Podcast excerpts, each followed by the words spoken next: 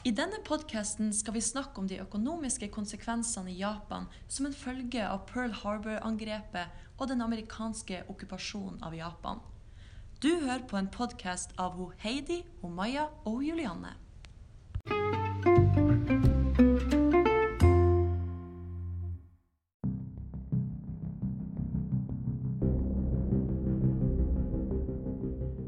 Det er 7. desember 1941. Klokka 7.50 en søndag morgen så våkna Pearl Harbor på Oahu, en øyene i Hawaii Stillehavet, til en stadig økende styr av flymotorer. Ettersom denne tjenesten i den amerikanske flybasen hadde frie helgene, så ble japanere møtt med ingen motstand. Angrepet var helt uforventa av amerikanerne. Ammunisjonen til luft, antiluftsbatteriene var innelåst om bord på skipene og i lagerrom på land. Det tok to timer, så var 2400 amerikanere drept, 180 fly destruert på bakken, og 18 store marinefartøyer lå på havbunnen. Man kan se på dette angrepet som en av hovedårsakene til at USA ble med i andre verdenskrig.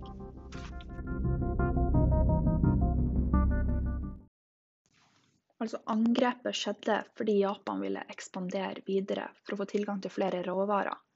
Japan er ei øy, så det er ganske mangel på ulike ressurser som metallmalm og olje, som de er spesielt avhengig av pga. Energi. De starta med å invadere deler av Kina, og klarte dette ganske bra. Eh, de hadde en allianse med Tyskland under andre verdenskrig. Dette samarbeidet sammen med invasjonen av Kina førte til at eh, britene, franskmennene, nederlenderne og amerikanerne spesielt begynte å bli litt eh, redd for Japan. Fordi de har kolonier i området Japan er i. Og da Japan begynte å bli en stormakt i det området, så var de redd for å miste sine egne kolonier. Derfor så bestemte alle landene seg for å nekte å selge olje og malm til Japan. Dette trua den japanske økonomien veldig mye, da de er veldig avhengige av disse råvarene. Og Japans svar på dette var å fortsette angrepene sine i dette området mot koloniene da de skulle ta britiske Malaysia, tenkte de at siden britene og amerikanerne er såpass nære allierte, kom amerikanerne til å forsvare britene. Og siden amerikanerne var såpass mye sterkere militært sett, så bestemte Japan seg for å angripe USA først. For at det kom til å være en For at de skulle ha en sterkere posisjon når de skulle ta Malaysia, da. De ville på en måte tvinge USA til å inngå en fredsavtale med Japan, sånn at de kunne få holdt på hvordan de ville i Stillehavet. Japansk historie etter 1945 var lenge prega av andre verdenskrig.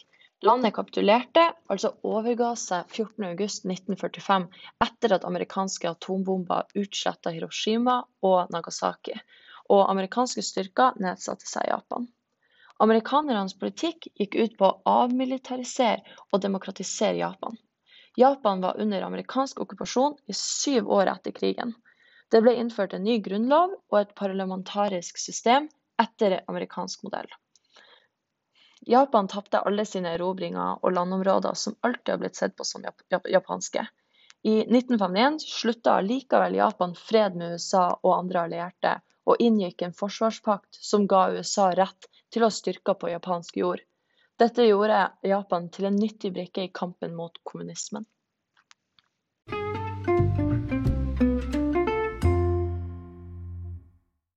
Så hvilke konsekvenser hadde da amerikansk okkupasjon på japansk økonomi? Altså, etter okkupasjonen så var jo japansk økonomi på sitt laveste punkt noensinne.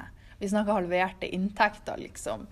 Alt alle de materielle ødeleggelsene var så svære at økonomien var på et bunnpunkt, liksom.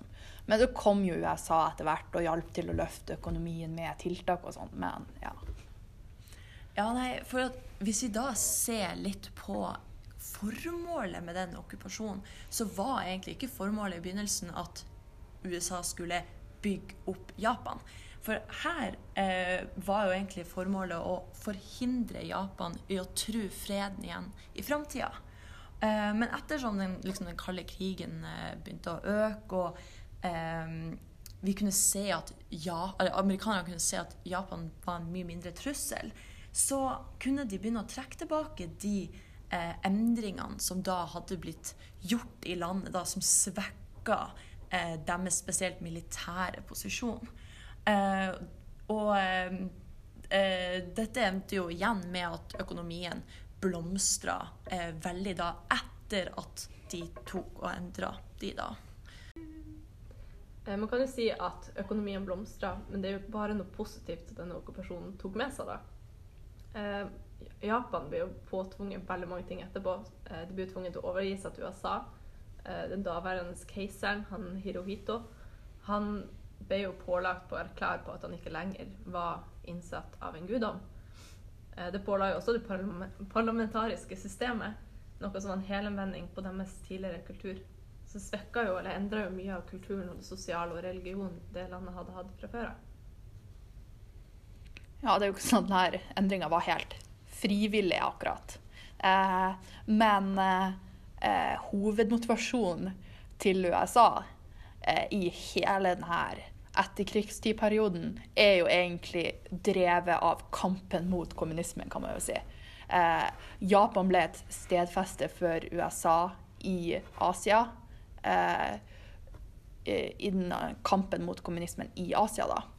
Eh, og tiltak de gjorde Eh, for å forhindre spredning av kommunismen, særlig i Japan, var jo å prøve å få mer likhet i samfunnet. Fordi store forskjeller eh, fører ofte til eh, sånn veldig eh, sterke ideologier, da, som kommunismen. Og dette innebar jo rett og slett å gjøre landet demokratisk.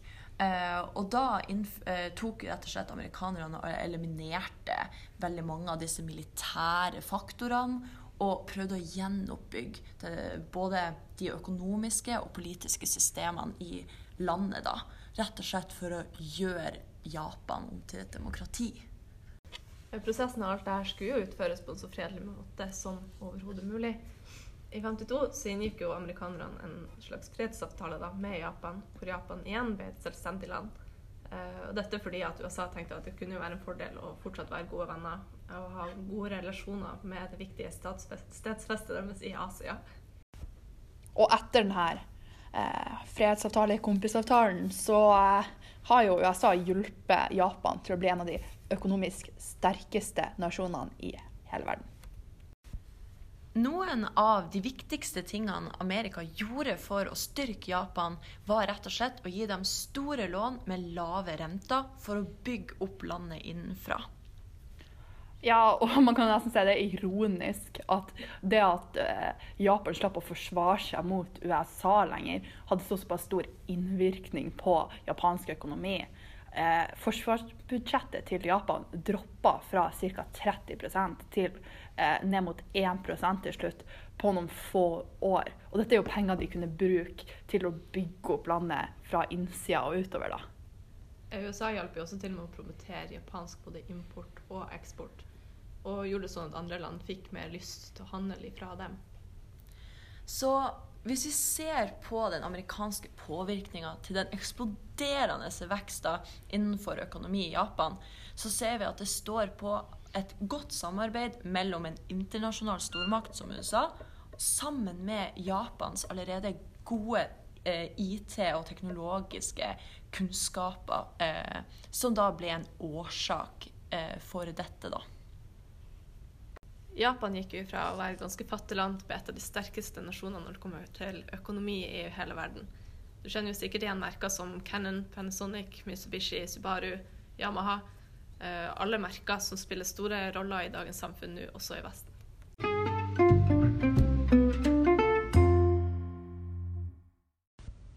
Vil du lære mer om andre verdenskrig? Bli med oss i neste episode, da vi diskuterer den tyske kapitulasjonen i Stalingrad med Mats, Even og Eline.